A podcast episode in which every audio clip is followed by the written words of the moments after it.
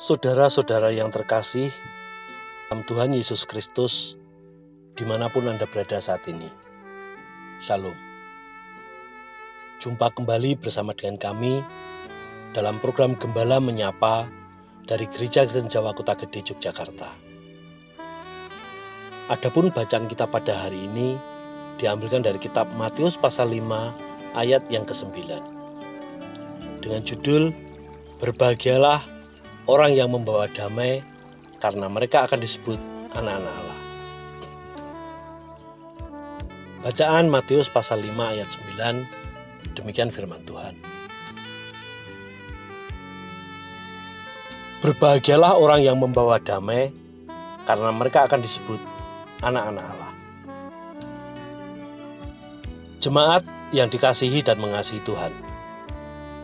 Ada ajaran atau wewarah para leluhur di masyarakat Jawa bahwa hidup dalam ketentraman dan kedamaian itu merupakan hal yang penting dan perlu diupayakan. Hal ini tercermin dalam ungkapan yang demikian. Sing penting golek o katentreman. Yang penting carilah ketentraman atau kedamaian. Atau dalam ungkapan yang lain yang demikian. Ojo lali golek katentreman. Jangan lupa mencari ketentraman atau kedamaian. Wewarah atau ajaran tersebut menunjukkan bahwa di dalam masyarakat Jawa, sejak lama ketentraman dan kedamaian hidup itu sudah didambakan dan diinginkan. Kapan pun, di mana pun, dan dengan siapa pun, kehidupan bersama di dunia ini hendaknya dijauhkan dari pertentangan, percekcokan, permusuhan, peperangan, dan kericuhan. Dalam kehidupan bersama, orang harus mengupayakan terciptanya ketenangan, kerukunan, saling menghargai dan menghormati, sikap rendah hati, tidak mencari-cari perkara dan masalah. Hal itu harus terjadi di dalam kehidupan keluarga, di antara semua anggota keluarga, di tempat kerja, di masyarakat, di lingkup kehidupan beragama, dan sebagainya. Semua itu harus dilakukan dengan dasar kasih, yang dalam masyarakat Jawa diajarkan dengan kata-kata atau ungkapan yang demikian. Tresno asio mering pepodo. Jemaat yang dikasihi dan mengasihi Tuhan. Dalam kitab Matius pasal 5 ayat 9 bagian A, disabdakan ajaran Tuhan Yesus. Berbahagialah orang yang membawa damai. Dengan kata membawa, dimaksudkan agar para muridnya berusaha agar damai itu terjadi atau terwujud dan dapat dirasakan dalam kehidupan bersama. Dengan demikian, Tuhan Yesus menghendaki agar umatnya, para muridnya menjadi kreator, menjadi pemrakarsa, menjadi pionir atau menjadi pelopor untuk terwujudnya damai tersebut.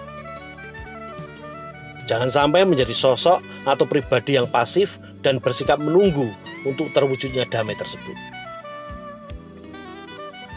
Jemaat yang dikasihi dan mengasihi Tuhan. Kitab suci mengajarkan bahwa Tuhan Allah itu sumber damai. Hal itu seperti tertulis dalam antara lain kitab Imamat pasal 26 pasal yang 26 ayat yang ke-6. Atau kitab Bilangan pasal 6 ayat yang ke-26. Atau kitab Yesaya pasal 9 ayat yang ke-6.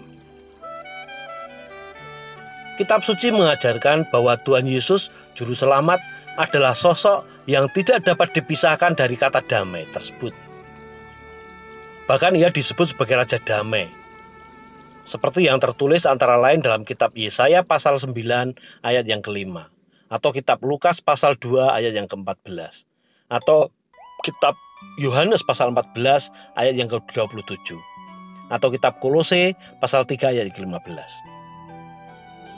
Oleh karena itulah, maka para murid dan umatnya diperintahkan untuk membawa damai dalam arti untuk mewujudkan dan menciptakan terjadinya damai tersebut.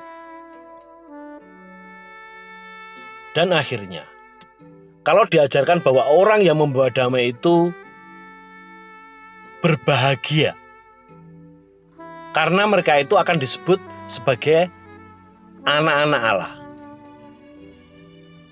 Maksudnya tidak lain yaitu bahwa mereka itu bahagia karena akan menjadi pewaris Bapa surgawi.